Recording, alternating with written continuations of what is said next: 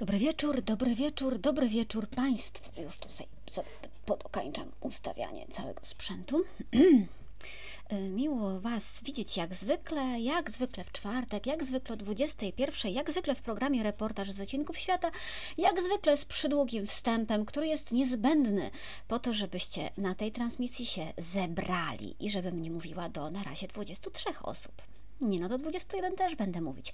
Um, Ania Marzycielka, jak zwykle pierwsza na YouTubie, Ewa, Dawid, Tadeusz, Ania, Joanna, e, Sabina, Aleksandra, Szymon, Marzena, Antoni. Panie Antoni, zawsze Pan mi się będzie kojarzył z tą lampką z tyłu. jak to łatwo się wbić w głowę, proszę Państwa. E, Łukasz, Barbara. E, Dawid przypomina, że program jest 150 to ja najpierw przypomnę, że byłoby miło dostać 150 e, lajków, buziek czy serduszek, czy co, czy co tam klikniecie. Małgorzata S. pozdrawia z Roztocza. Mm, Kasia mówi, że słucha cały czas, ale z reguły nie na żywo. Ania się cieszy, że tyle dobra. Powiem Wam, że e, jak przeczytałam w komentarzach YouTube'owych, że program jest 150, to mimo tego, że się przygotowywałam do programu tak zwyczajnie, to przeszła mi przez głowę taka myśl przewrotna, że może byście wy poprowadzili ten program dzisiaj? Że gdyby tak zmienić kolejność, że wy zadajecie pytania, a ja odpowiadam, to jak długo ten program by potrwał? 3, 5, 7 minut? To takie wyzwanie. Sama jestem ciekawa. Co wy na to? Tak, rzeczywiście widzimy się po raz 150. E, przypominam, że e, Patronite działa, przypominam o zrzutce, do której jeszcze wrócę. Barbara mówi, że mało nas, bo wakacje. No wakacje, ale my sobie wakacji nie robimy. A poza tym powiem Wam, że jakoś tak przestałam to znaczy, wiem, że to nie jest robione dla jak największych zasięgów, tak? Umówmy się. E, to tak, znaczy każdy jest cenny, ale to nie jest tak, że na wszel za wszelką cenę e, musi być nas miliony. Nie musi. E, Łukasz mówi, że chętnie zada pytanie. No bardzo proszę, no spróbujcie, zobaczymy, czy będzie na co odpowiadać. Ja naprawdę jestem gotowa podjąć to, to wyzwanie. Może w takim gronie nie największym to jest, to jest dobre. Słuchajcie, jedna rzecz na wstępie, tak odnośnie do poprzedniego odcinka i to tak jeszcze serio żebyśmy się dobrze rozumieli.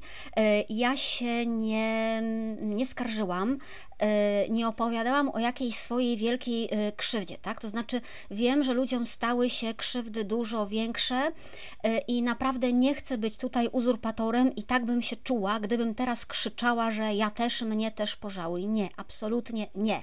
Mnie tak naprawdę nic nie jest. To było trudne czekajcie, żeby się kamera nie rozłączyła. To było trudne tak zewnętrznie, tak? Ale wewnętrznie to ja nawet nie wiem, czy mnie specjalnie dotknęło. E, minęło kilkanaście lat, ja spadłam po tej historii na cztery łapy. Z całym szacunkiem, ale to ja chodzę z wysoko podniesioną głową, e, a nie tamci źli i głupi ludzie. E, nie stała się żadna tragedia, to była po prostu bardzo ważna lekcja, tak? Taka na poziomie intelektualnym, która mnie czegoś nauczyła. No a przy okazji, skoro już się podzieliłam, to może się Wam też przydać jako, jako lekcja.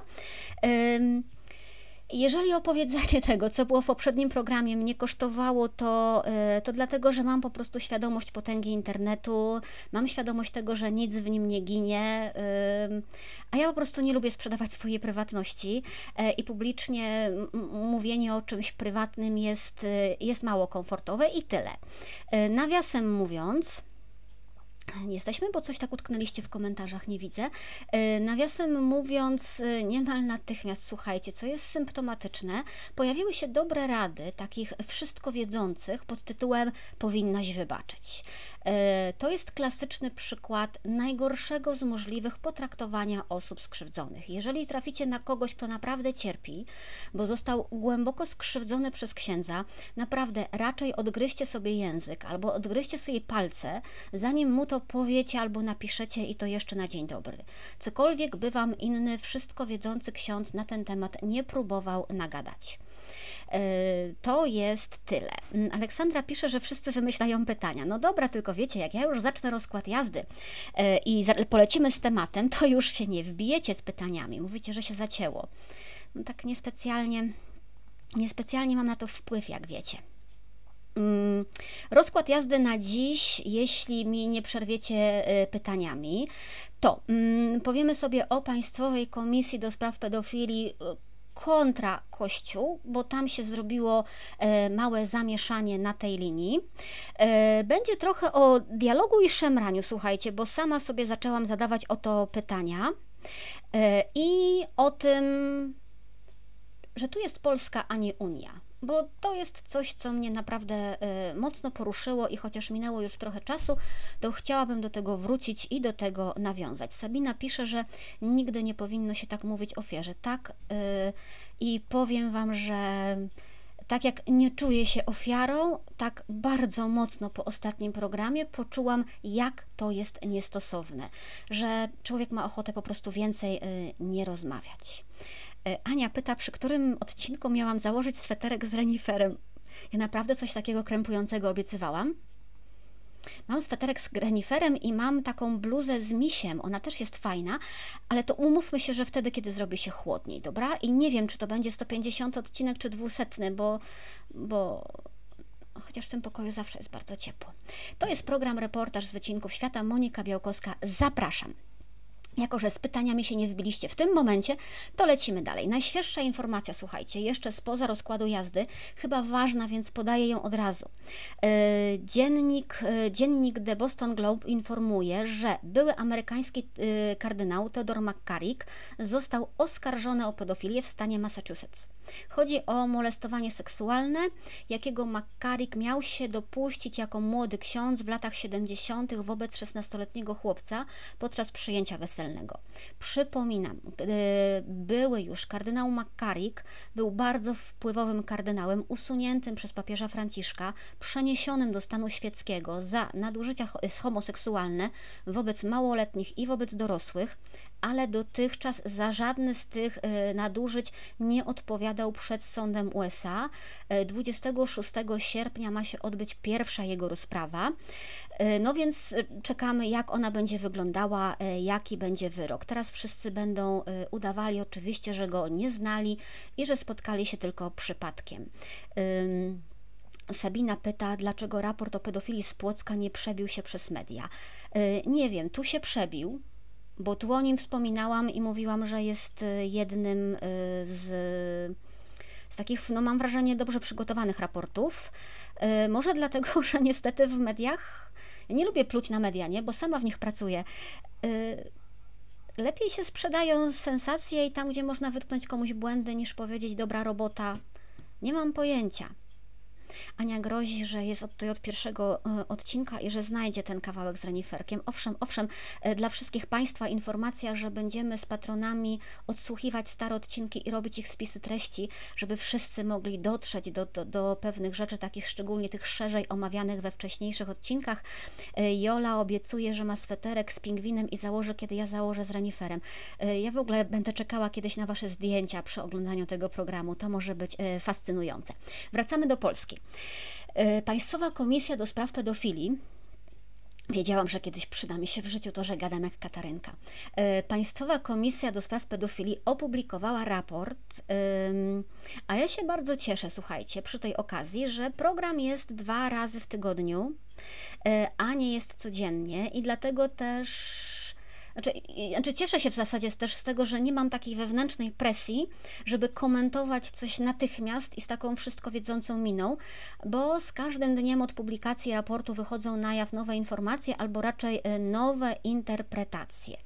E, z informacji na temat raportu dowiedzieliśmy się najpierw, że e, komisja prowadziła 349 spraw e, i zgłoszonych, i tych, które podjęła z własnej inicjatywy. Z tego 137 zostało mm, złożonych do prokuratury. No i z tego 36 dotyczy nie pedofilii wprost, ale nie zawiadomienia o możliwości popełnienia przestępstwa pedofilii, czyli powiedzmy sobie tuszowania. E, najmłodsze dziecko miało rok, najstarsze 16 lat. E, no ta ostatnia wiadomość, że 16 to jest dosyć absurdalna, po prostu komisja przypadkami powyżej 16 roku życia się nie zajmuje.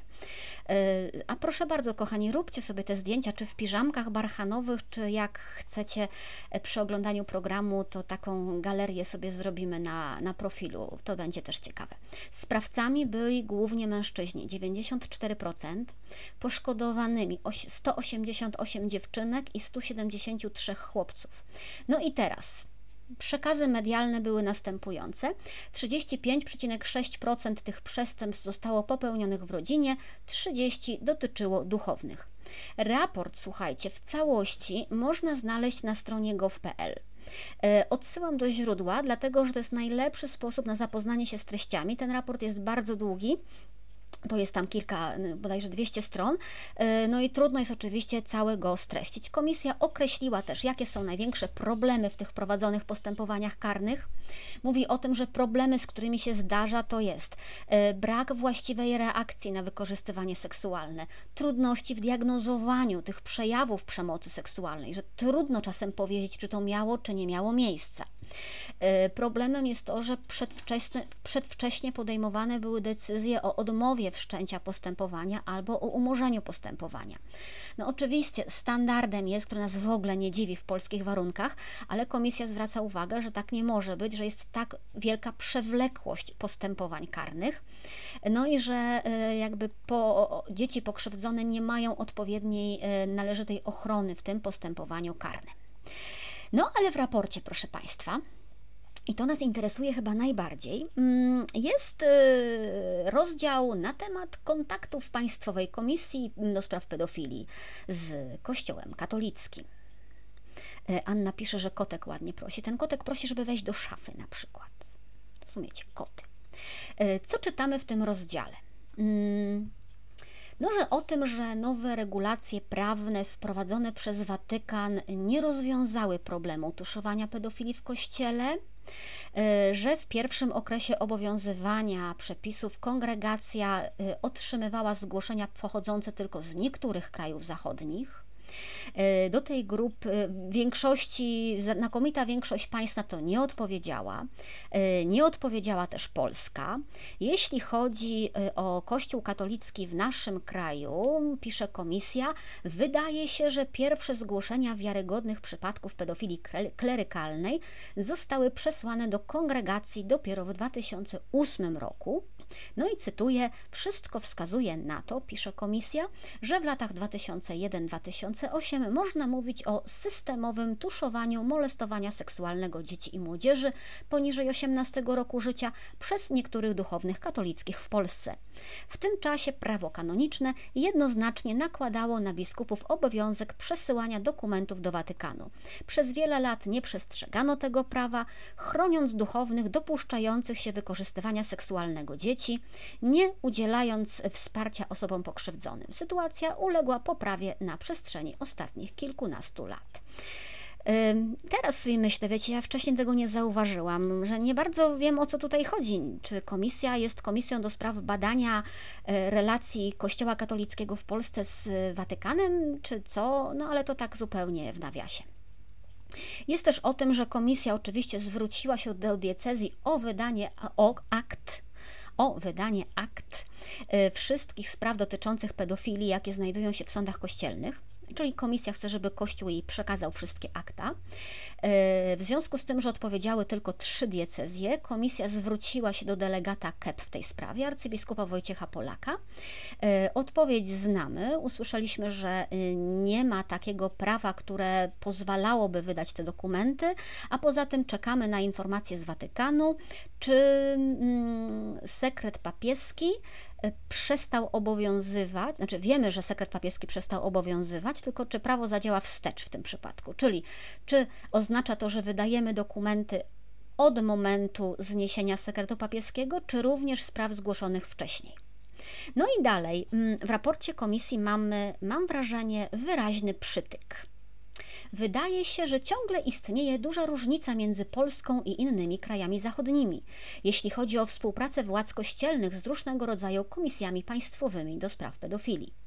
W takich krajach jak Australia czy Stany Zjednoczone, liderzy kościelni wiele lat temu zrozumieli, że walka z pedofilią i współpraca z władzami państwowymi w tym obszarze to kwestia elementarnej wiarygodności ich instytucji.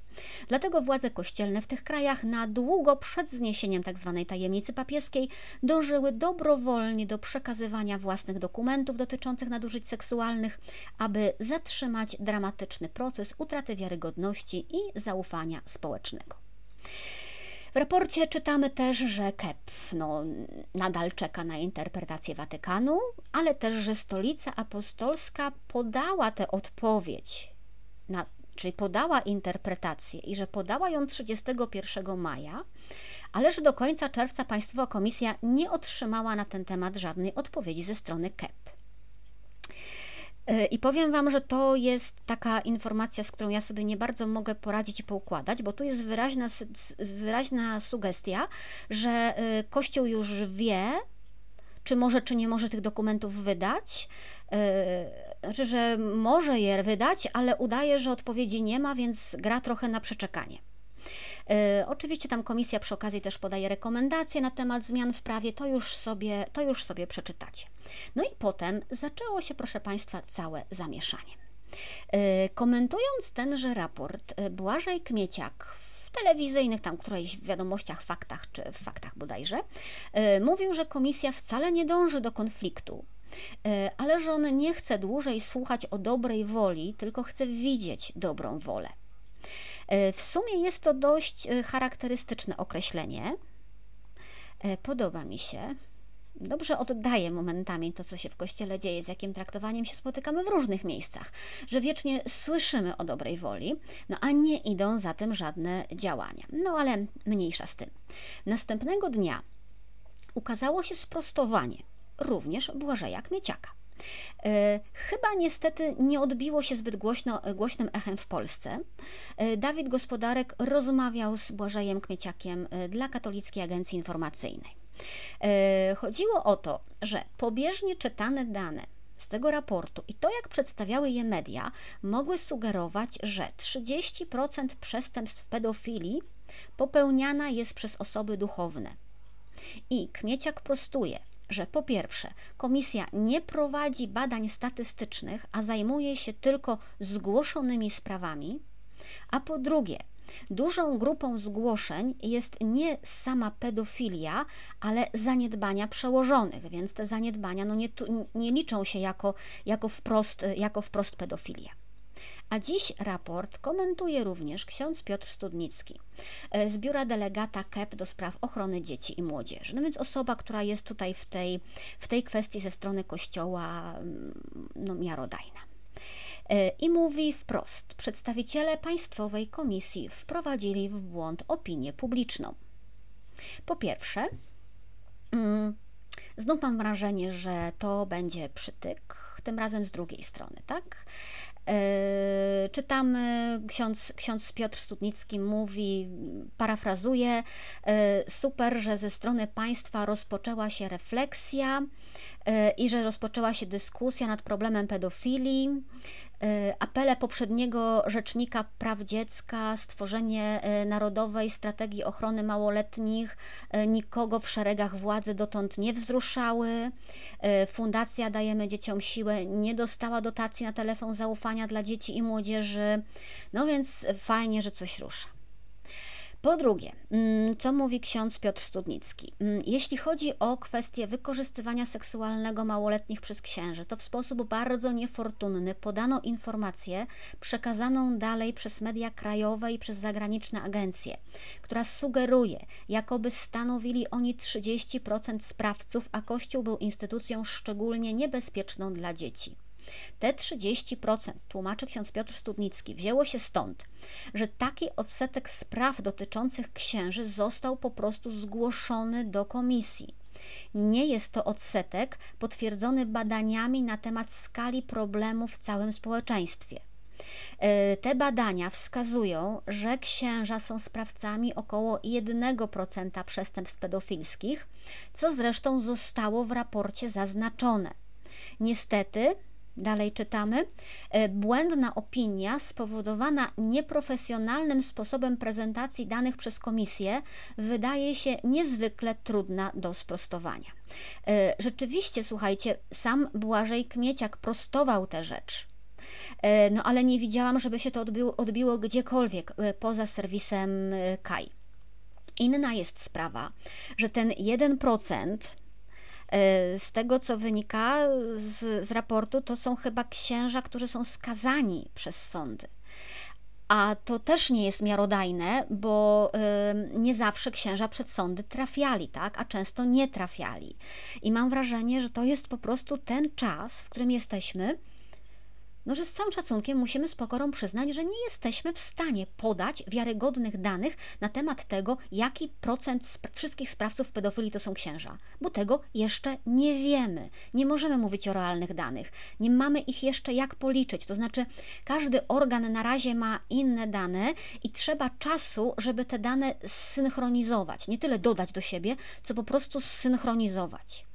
Yy, I dalej. Yy, w raporcie E, bardzo uogólniające i niepoparte żadnym źródłem stwierdzenie, mm, że przed 2008 rokiem mieliśmy do czynienia z systemowym tuszowaniem pedofilii kościoła w Polsce. No to musiało zaboleć to zdanie.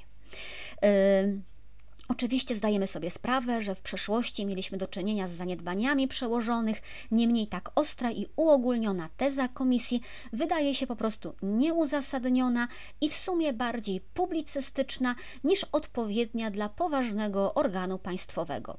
Nieprofesjonalny styl przyjęty przez Państwową Komisję w oficjalnym raporcie wzmacnia także zastrzeżenia wyrażane przez osoby skrzywdzone oraz ich terapeutów. Wskazują oni, że wracanie do dawnych procesów bez zgody pokrzywdzonych może przyczynić się do powrotu bolesnych wspomnień i odnowienia traumy.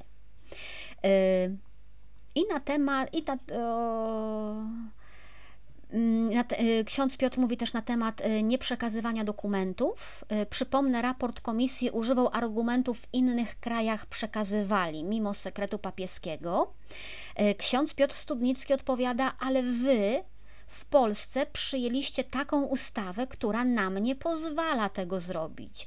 To są dane wrażliwe, więc my musimy mieć podkładkę, bo i wiecie, ja to też rozumiem z drugiej strony. Za chwilę ktoś Y, może oskarżyć Kościół, że bezprawnie podzielił się informacjami na temat jego intymnych doświadczeń. On to mówił w sądzie kościelnym, a sąd kościelny bez podstawy prawnej po prostu rozdaje to gdzieś dalej, tak, do jakiejś komisji. No, nie ma podkładki prawnej na to i, i myślę, że jakby strona kościelna może się też tym Y, tego bać, tak? Jakichś jakby oskarżeń o, oszafowanie takimi historiami. No, no, nie ma takiego prawa. To jest błąd, y, owszem, ale to jest błąd popełniony na poziomie ustawy. Y, no taki scenariusz można, można sobie, sobie wyobrazić. I cytuję, cytuję dalej księdza Piotra Studnickiego. Ze strony Kościoła była gotowość do współpracy z Komisją, również w sprawie akt, ale oczekiwaliśmy, że będzie ona oparta na jasnych podstawach prawnych i w ramach prawa. Jest to niezbędne, gdyż chodzi o dokumenty zawierające dane wrażliwe osób, które zgłosiły Kościołowi krzywdę a także ich świadków. Zgodnie z ustawą tylko sądy powszechne i jednostki prokuratury są zobowiązane do przekazywania e, komisji niezbędnych dokumentów z akt spraw. Ustawa milczy o uprawnieniach do żądania akt od kościołów i związków wyznaniowych. Warto też zauważyć, że zobowiązane do tego so, y, sądy i prokuratura przedstawiły komisji akta wyłącznie z kilku lat, podczas gdy od Kościoła zażądano dokumentów od 2000 roku, co rodzi pytania o równość wobec prawa i obiektywizm kryteriów stosowanych przez Państwową Komisję.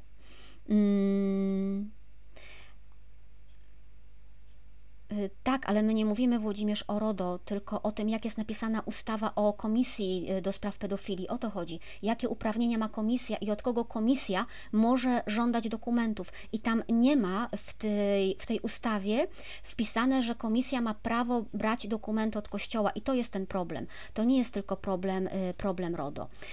Ksiądz Piotr Studnicki mówi, akta tych spraw nadal są chronione tajemnicą urzędową. Zachodzi istotna wątpliwość, czy zgodnie z prawem można można wydać Państwowej Komisji Akta Spraw Kościelnych bez zgody Stolicy Apostolskiej, na polecenie której były prowadzone procesy. Mamy w tej sprawie do czynienia e, z relacją między rządem polskim a Stolicą Apostolską, a nie między Komisją a Kościołem w Polsce. Mm że to nie są ich akta, to tam dalej. No i dalej ksiądz Piotr pisze, wyrażam rozczarowanie e, wprowadzeniem przez przedstawicieli komisji w błąd opinii publicznej co do zjawiska wykorzystywania seksualnego. Mm, wiecie, dla mnie najciekawsze jest to, jak to jest z tą odpowiedzią Watykanu na temat możliwości udostępniania akt. Naprawdę jestem ciekawa, czy ta odpowiedź rzeczywiście przyszła, czy nie. Yy, I to jest jakby obok pytania o to, czy komisja ma prawo się ich dopominać, tak? Ale tej odpowiedzi na pytanie, czy to uzasadnienie, ta interpretacja z Watykanu przyszła, czy nie, no jakby nie dostałam, tak? Powiem Wam tak, ja po tej całej sprawie i po całym tym raporcie absolutnie nie czuję satysfakcji. Violetta chyba y, zauważyła, y, że, y, że najtrudniejsze jest to, że jakby mamy do czynienia z przepychanką, w której osoby skrzywdzone odchodzą gdzieś na dalszy plan? Po pierwsze, dobrze, że ta komisja działa, umówmy się, nie? Chociaż sama też petardą nie jest. Y, na 760 zgłoszonych spraw prowadzonych jest 349, więc też jest większość spraw 411, którymi nadal nikt się nie zajął albo nie wiemy co z nimi, tak? Wiemy, że było 760 zgłoszonych, 349 y, jest prowadzonych, co zresztą po drugie, y, nie podoba mi się tutaj że y, wpadamy w takie konfrontacyjne tony, słuchajcie. Y, bo to nie jest tak, że państwo i kościół powinny tutaj stać po dwóch stronach barykady y, i udowadniać sobie, kto ma rację, kto kogo zdradził. To powinno być tak, że obydwie strony stoją razem na barykadzie przeciwko pedofilom, tak? I to wszystkim pedofilom bo y, oczywiście i mówię o tym, że Kościół jest mi środowiskiem najbliższym, ale przyznaję, że skala tego zjawiska w rodzinach też mnie bardzo mocno uderzyła. Y, w kościele mamy do czynienia bez wątpienia z relacją pewnej zależności, która pociąga za sobą niemożność opowiedzenia o tym, ale kiedy to się dzieje w rodzinie, to tam też naprawdę nie ma komu tego opowiedzieć. Dlatego mam wrażenie, że zamiast y, brać się za łby, to może warto by pomyśleć konstruktywnie. Mm, ja mam y, taki sposób, słuchajcie, że kiedy y, napotykam przeszkodę, z którą nie mogę sobie poradzić i z którą nie sposób sobie poradzić, albo nawet jeżeli pokonanie tej przeszkody zajmuje mi za dużo czasu i energii, to po prostu szukam innej drogi dojścia do celu, rozumiecie? Trochę dookoła, na której tej przeszkody nie będzie, zabierając się do tego od innej strony. I to serdecznie polecam y, wszelkim komisjom też, tak? Y, zmiana prawa y, to jest jedno, co trzeba zrobić pilnie, skoro widzimy, też zauważacie, Aleksandra pisze, jeżeli ustawa jest dziurawa, trzeba poprawiać. Tak, na tym się skupmy, żeby poprawić jak najszybciej ustawę. O tym problemie mówimy od ilu miesięcy? Nic, cisza zajmują się jakimiś nie, dobra, nie mówię o tym. E, kwestia podniesienia e, wieku pokrzywdzonych. W kościele mówimy do 18 lat, w państwie mamy nadal 16 lat. Zniesienie przedawnienia, które nadal obowiązuje w Polsce. Jakieś wspólne działania profilaktyczne, e, finansowanie pomocy dla osób pokrzywdzonych. Tu naprawdę jest masa roboty do zrobienia. Ukaranie sprawców z przeszłości bez wątpienia jest ważne. E, ale słuchajcie, nadal są wśród nas kolejne dzieci, które można jeszcze przed tą traumą uchronić. I szkoda by było, żeby to było zmarnowane w sporach, e, bo sprawa jest y, zbyt, zbyt ważna, po prostu.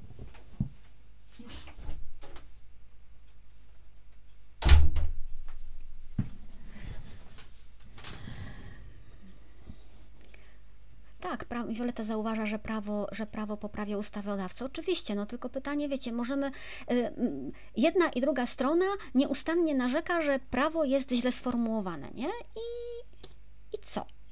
I co dalej? Y, drugi temat na dzisiaj. Yy, króciutki. Taka moja zastanawiajka, słuchajcie, trochę na marginesach, o dialogach, o szemraniu i o tym, czy zawsze trzeba krzyczeć. To mówię ja wrzeszcząca czasem. E, byłam w niedzielę na mszy świętej. E, kazanie ponoć było fenomenalnie skandaliczne, ale się tego spodziewałam e, i przyznaję, że miałam ze sobą czytnik, więc sobie czytałam, żeby się nie denerwować. Przepraszam wszystkich księży. Ale jak doszło do Ojcze Nasz, I już e, wprowadzenie, tą modlitwę ksiądz wyrecytował po łacinie, e, a potem samo Ojcze Nasz też odśpiewał po łacinie, to sobie pomyślałam, i po co ci to, chłopie? E, znam łacińskie Ojcze Nasz, żeby nie było, bardzo je lubię. Jak się musieliśmy nauczyć go na zajęcia z łaciny, to, to sobie pamiętam, odmawiałam różaniec po łacinie w warszawskich autobusach, jakoś tak weszło na amen. Potem pan na egzaminie e, od razu usłyszał i jak tylko usłyszał, jak mówię, to pierwsze zapytał, to czy odmawiałam różaniec po łacinie. No to go przepytałam jeszcze z chwała ojcu i zakończyliśmy egzamin piątką, nieważne. Ale wiecie, na tej niedzielnej mszy świętej y, to paternoster, ksiądz, y, śpiewał w kościele sam. Y, nawet organista milczał i tylko mu przygrywał. I zastanawiałam się, czemu to miało służyć, poza oczywiście demonstracją przywiązania do liturgii trydenckiej, której ksiądz jest miłośnikiem. Nie wiem. Wiecie, są rzeczy ładne, cenne. Poczekajcie, drugi kot chce wyjść.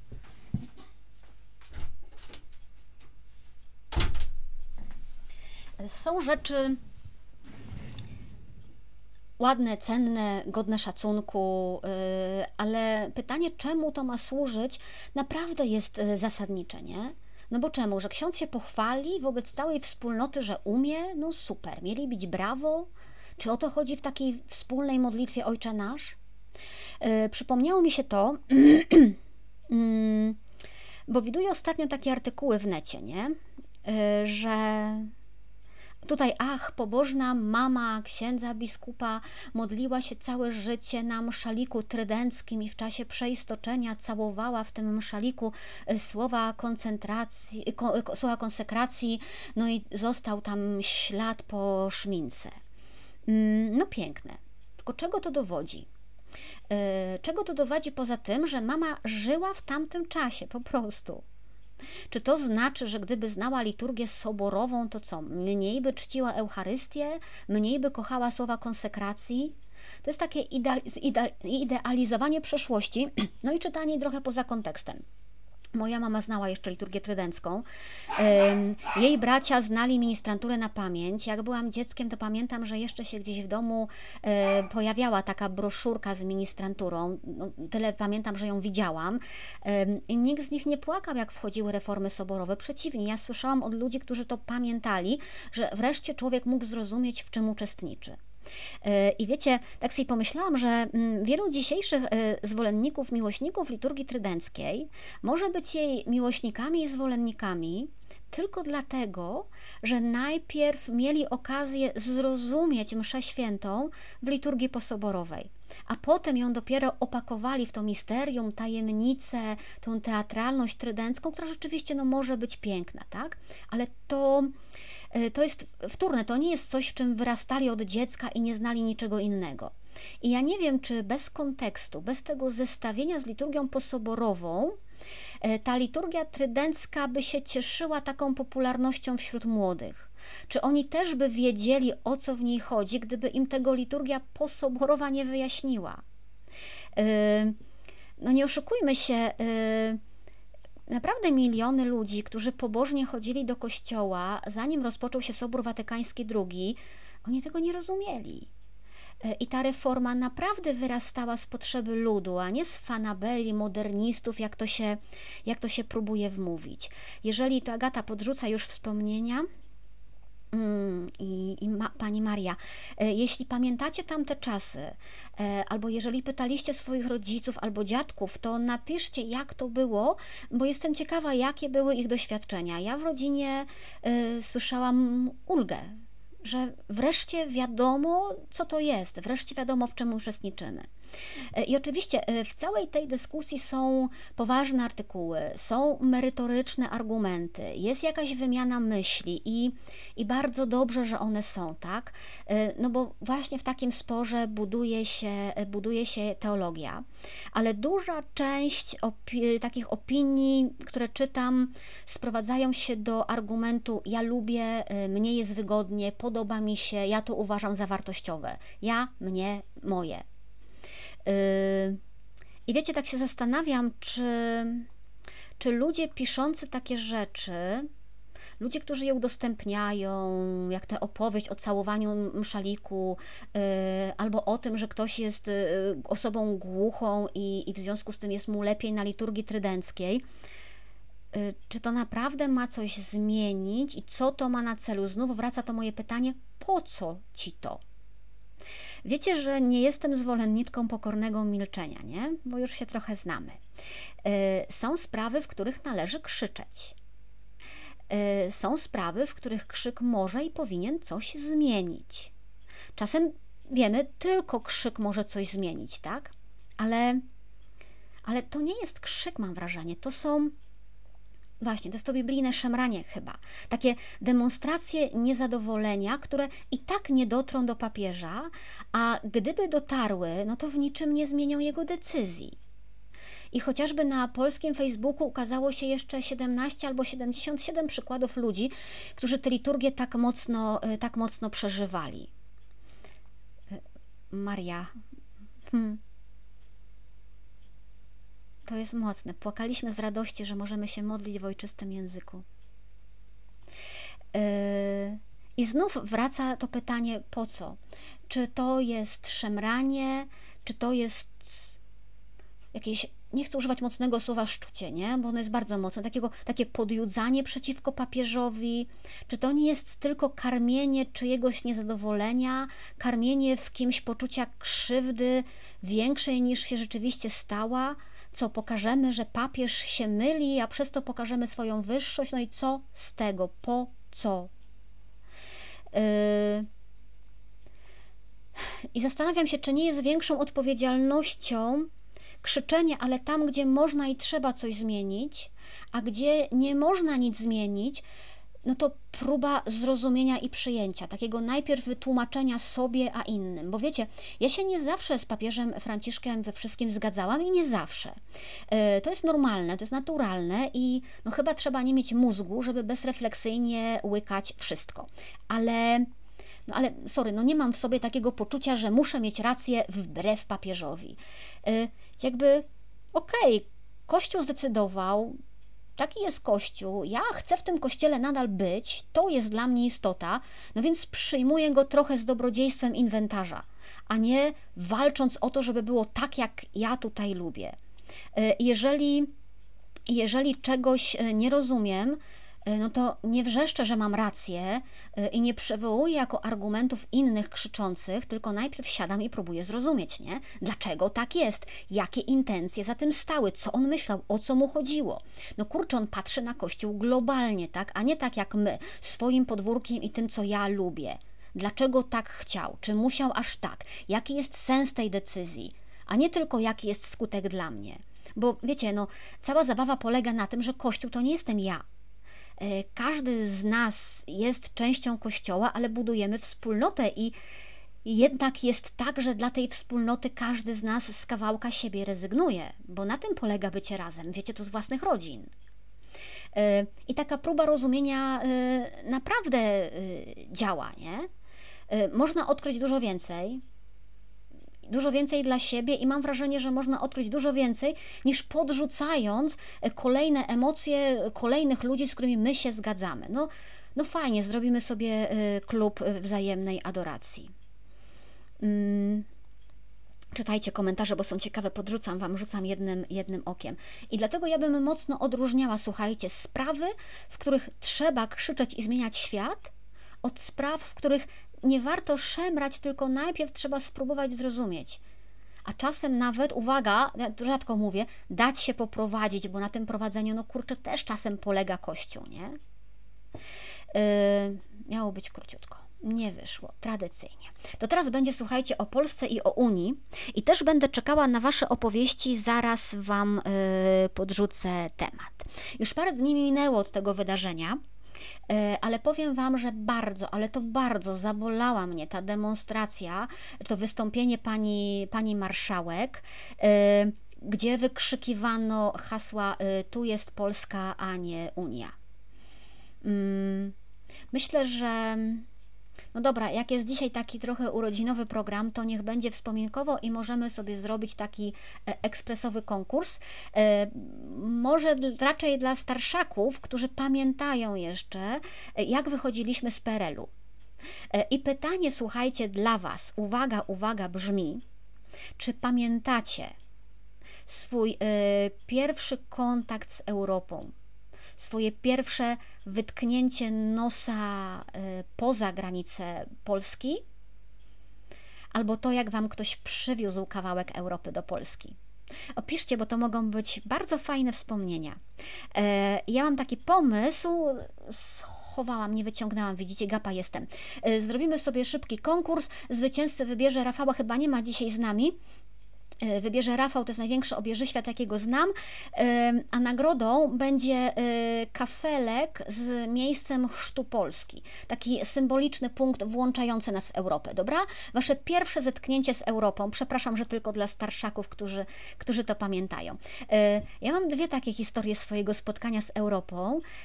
Pierwszy to był kontrakt, kontakt jeszcze zdalny. Miałam wujka, który pracował w Londynie.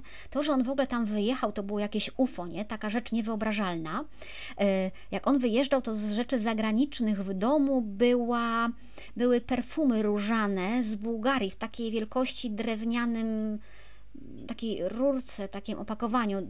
Ten, no one są do dzisiaj gdzieś leżą, śmierdzą nieziemsko, a teraz nagle wujek przyjechał z Londynu z prezentami.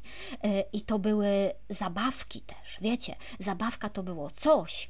E, ja pamiętam sklep zabawkowy u nas w Mogilnie, gdzie na wszystkich trzech półkach sklepu e, stała jednakowa zabawka. To były takie żaby skarbonki. Cały sklep od góry do dołu w żabach skarbonkach identycznych. A tutaj nagle wujek przywiózł kolorowe piórniki, jakich nikt nie miał w szkole, z wyposażeniem też kolorowym, słuchajcie. I tam były jakieś cieńkopisy i, i w ogóle yy, było coś, co my nazywaliśmy grajątkiem. Ja nie mam pojęcia, co to było. To się mieściło w dłoni i miało takie guziczki i można było na tym grać, nie? E, I ta wizyta wujka to było normalnie wtedy Boże Narodzenie, chociaż to było w środku lata. I do dzisiaj, e, i do dzisiaj pamiętam zapach tych prezentów. E, a pierwszy raz wyjechałam mm, sama w liceum na wymianę językową do Szwecji. E, o promie kiedyś Wam opowiem e, i o ślubowaniu, które wtedy złożyłam, że nigdy więcej, ale właśnie tam w Szwecji byłam pierwszy raz w życiu w McDonaldzie. Kiedy chodziliśmy po jakimś szwedzkim sklepiku, jedna z koleżanek, taka wiecie, bardziej doświadczona, drugoroczna, obyta, ochrzaniła nas, że mamy nie rozmawiać po polsku, bo zwracamy na siebie uwagę i ona nie może nic ukraść tym głośniej mówiłyśmy po polsku. E, I wtedy się zderzyłam z jakimś zupełnie innym światem, wiecie. Nie miałam 18 lat, więc, e, więc dziewczyna, u której byłam w domu, nie była zachwycona. No nie mogłam z nią iść na żadną imprezę, bo tam nie można przed 18 rokiem życia. Więc ona szła się bawić, ja musiałam dojechać do domu. E, pamiętam, że autobusem wysiadałam gdzieś w lesie i tam był wielki plac z milionem rowerów. Ja musiałam tam znaleźć ten jej rower, dojechać dalej.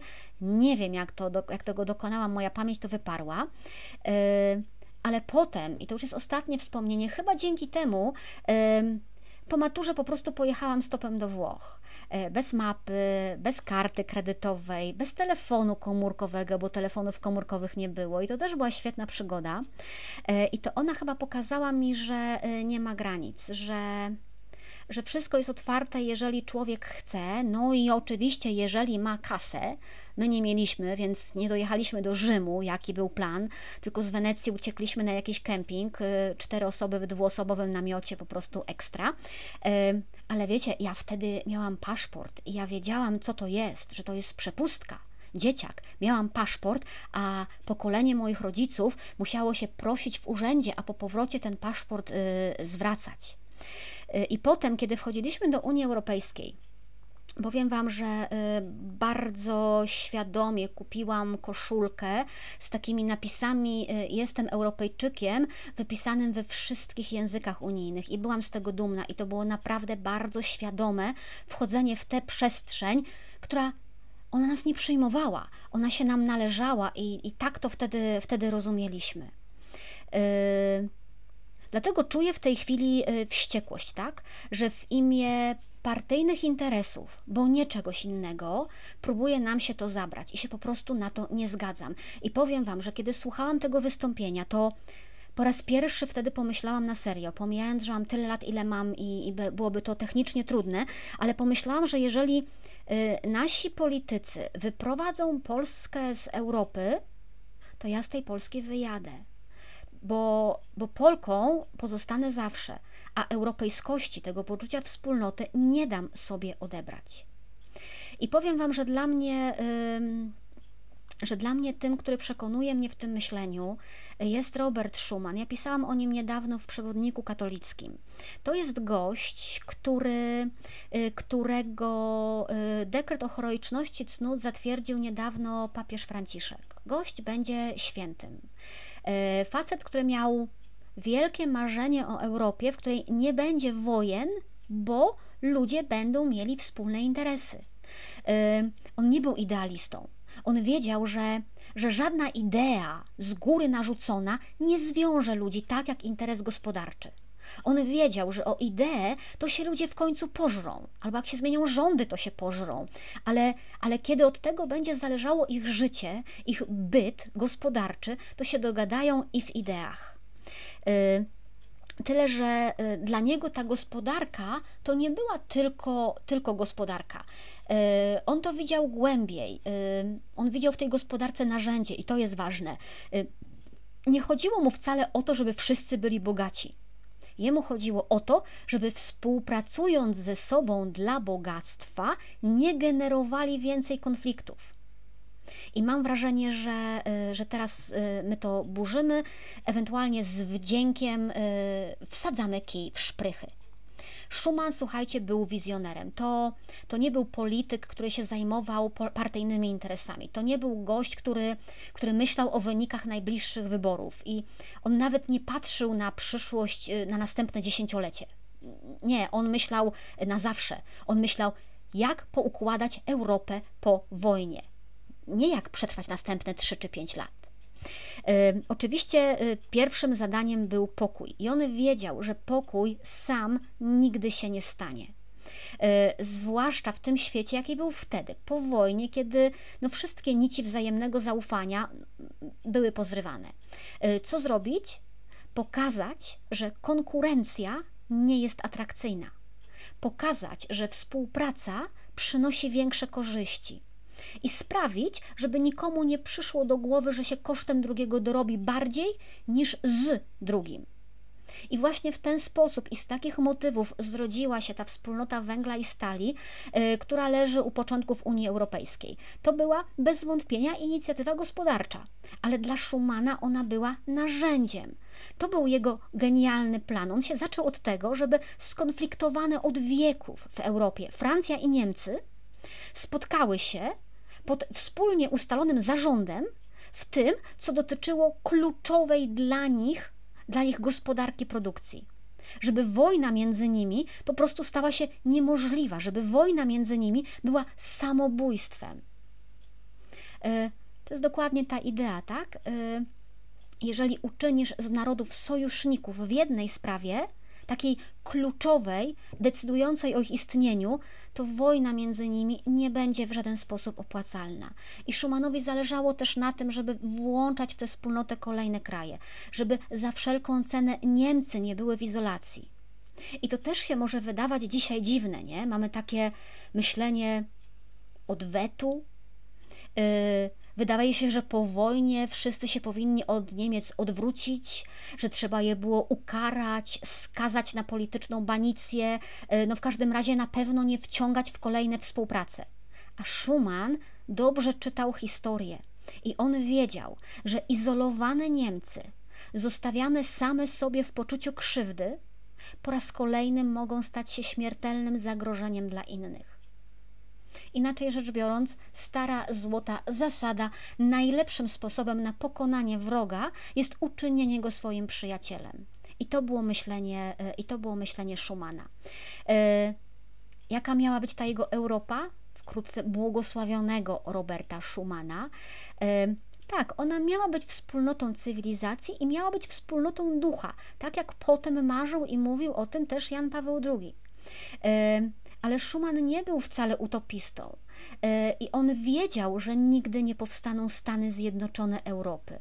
On wiedział, że w Europie było za dużo konfliktów, że za mocno nas dzieli historia, że za dużo jest różnych tradycji, żeby chociażby próbować dążyć do jakiejś unifikacji. I, i to byłoby wręcz szkodliwe, tak? I kiedy niektórzy nawet obawiali się wprost, czy przez to dążenie do jakiejś unii, do jedności nie stracą swojej tożsamości, on pisał: Polityka europejska w naszym przekonaniu absolutnie nie jest sprzeczna z ideałami patriotycznymi każdego z nas. Duch Europy wyłoni się z różnorodności jej cech i aspiracji jedność koncepcji podstawowych godzi się z wielością tradycji i przekonań oraz z odpowiedzialnością wyborów indywidualnych. I wiecie, dla mnie Europa jest piękna, bo jest różna, tak? Europa jest piękna, bo, bo każdy może być w niej inny i za swoją odmienność jest ceniony.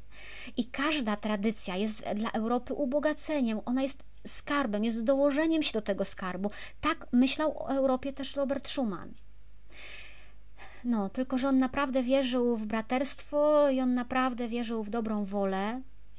E, I wierzył, że kiedy różni ludzie, kiedy różne narody spotkają się gdzieś na granicach, e, to będą się zachowywać jak tacy sąsiedzi, którym zależy nie na własnym domu, ale na bezpiecznej okolicy. E, pisał poznawać jednych i drugich, takich jakimi jesteśmy, z naszymi zaletami i wadami, naszymi pokrewieństwami i rozbieżnościami, naszymi przesądami i zwyczajami, jest pierwszym warunkiem jakiegokolwiek zbliżenia. Proste, nie? Tak się wydaje. E, jakie dalekie od myślenia tu jest Polska, a nie Unia. To jest dalekie dla ludzi, dla których poznawanie innych, a jeszcze przyjęcie, że mają wady, przesądy i myślą inaczej, jest po prostu nie do przeskoczenia. I mam wrażenie, że wiecie, niektórzy gdyby mogli, to by utworzyli Rzeczpospolitę Polską od Lizbony po Moskwę z obowiązkowym językiem polskim i Zenkiem Martyniukiem do schabowego z kapustą. E, no wtedy dopiero byłaby Europa piękna. A ja takiej Europy nie chcę. Taka Europa byłaby po prostu nudna. Kapusta jest super, tak? Tu, między Tatrami a Bałtykiem. A ja się prawdę mówiąc nie mogę już doczekać greckiego saganaki. Nie dlatego, że jest lepsze e, od kapusty, dlatego, że ja chcę też saganaki. E, I gdybym mogła jechać do Włoch, to bym jechała jeszcze dziś wieczorem na, na dobry makaron z winem.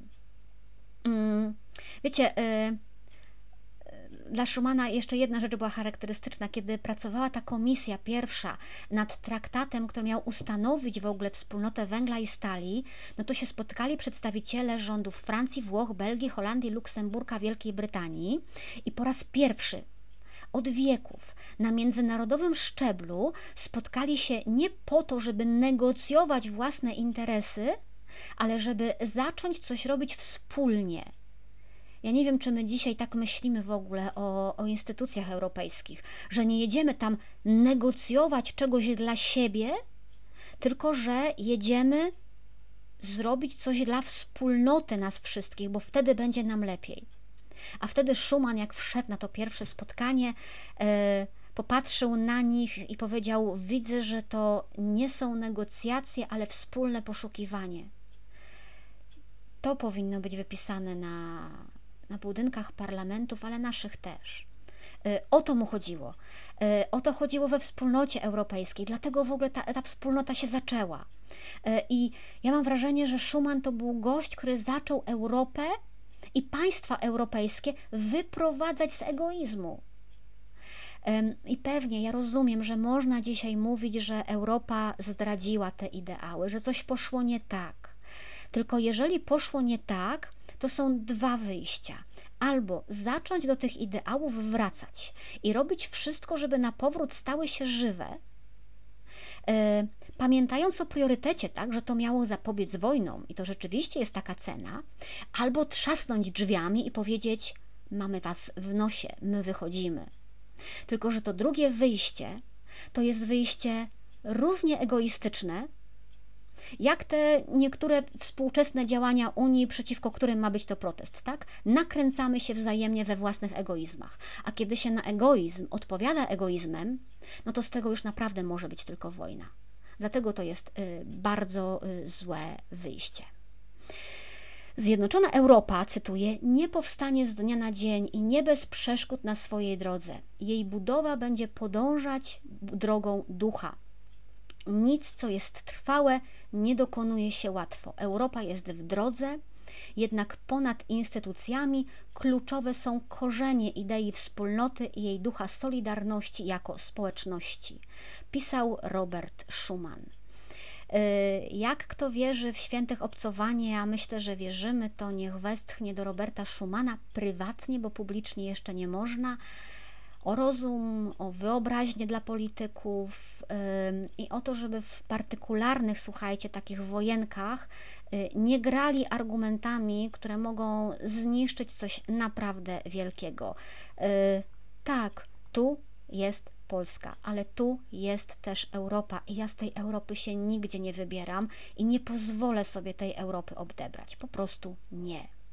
E, widziałam, że podrzucaliście te swoje pierwsze, e, te swoje europejskie, pierwsze, e, pierwsze europejskie spotkania i historie i że będzie z czego, z czego wybierać zwycięzców. Halszka pisze, że PiS nie rozumie idei Schumana. Ja się boję, że już w ogóle przestaliśmy rozumieć ideę Schumana, dlatego świetnie, że będzie ta beatyfikacja, tylko ja bym chciała, żeby, żeby ta beatyfikacja nie była ukościółkowiona, żeby pokazać wielkość. Zobaczcie, ja Wam opowiedziałam o Szumanie świadomie, w ogóle nie mówiąc o jego życiu religijnym. E, żeby tak Szumana też umieć pokazywać, bo jak się go wtłoczy teraz w religijne ramki, to powrót do jego idei w dzisiejszej Europie może po prostu nie zadziałać. E, dobra, Kochani, zbieram się, ja jutro jadę do Płocka nagrywać dalsze ciągi rozmów. Przypominam nieustannie, że można dołączać do grona e, patronów na Patronite. E, następny program specjalny to Wam podrzucę, żeby zachęcić. Gościem następnego programu specjalnego jeszcze w sierpniu będzie ksiądz Bartek Rajewski, prosto z Londynu. Więc jeśli ktoś chce e, dołączyć do tego grona słuchaczy programów specjalnych, to zapraszam. Link na Patronite macie. I Agapa nie podrzuciłam zrzutki, po prostu nie podrzuciłam zrzutki, nie zrobiłam sobie linku. Zrzutka.pl i wpisujecie jedziemy do Grecji, hashtag 2. I tam jest najważniejsza zbiórka tego miesiąca. Jako, że no nie oszukujmy się, jadę też na wakacje, ale nie z pustymi rękoma, to chcę zostawić pieniądze, pomóc siostrze Ewie, która pracuje z uchodźcami na Placu Wiktorii. Tam, jeżeli wejdziecie na zrzutkę i poszukacie tego, ja za chwilę wrzucę link też na profil, albo Wam tutaj zaraz znajdę, y, to tam przeczytacie artykuł, jaki y, jaki wyrzucałam, jaki był w przewodniku katolickim opublikowany jest dokładnie opisane, cóż tam się działo, jak wygląda to życie, dlaczego warto pomóc. Y, nie trzeba wpłacać y, wielkich pieniędzy, ale pamiętajcie, każdy grosik. Tam chodzi przede wszystkim o taką doraźną pomoc, ale chcemy też jakoś uruchomić kobiety, które tam żyją, żeby one mogły zacząć na siebie zarabiać, żeby zarobiły czasem pierwsze pieniądze w życiu, żeby, żeby dzieciaki mogły iść do szkoły, a przy okazji też trochę frajdę tym dzieciakom. Wiecie, trochę kredek, balonów, bańki mydlane. Bańki mydlane za mną chodzą, słuchajcie, słuchajcie, i chce zrobić takie wielgachne bańki mydlane. No ale nie o to chodzi, żeby wydać grube tysiące złotych na bańki mydlane, tylko o to, żeby, żeby ci ludzie dostali konkretne, konkretne wsparcie. Oczywiście lajki, y, udostępnienia, serduszka, y, subskrypcje. Nadal, kochani, biorąc pod uwagę oglądalność programu i liczbę lajków i serduszek, to jest po prostu dramatycznie mało i połowa. Więc przypominam, kto jeszcze tego nie zrobił, to tak, klik. A my widzimy się jak zwykle w poniedziałek o godzinie 21.15. Dzięki Wam wielkie za ten wieczór. To był program Reportaż z Wycinków Świata. Monika Białkowska. Dobrej nocy.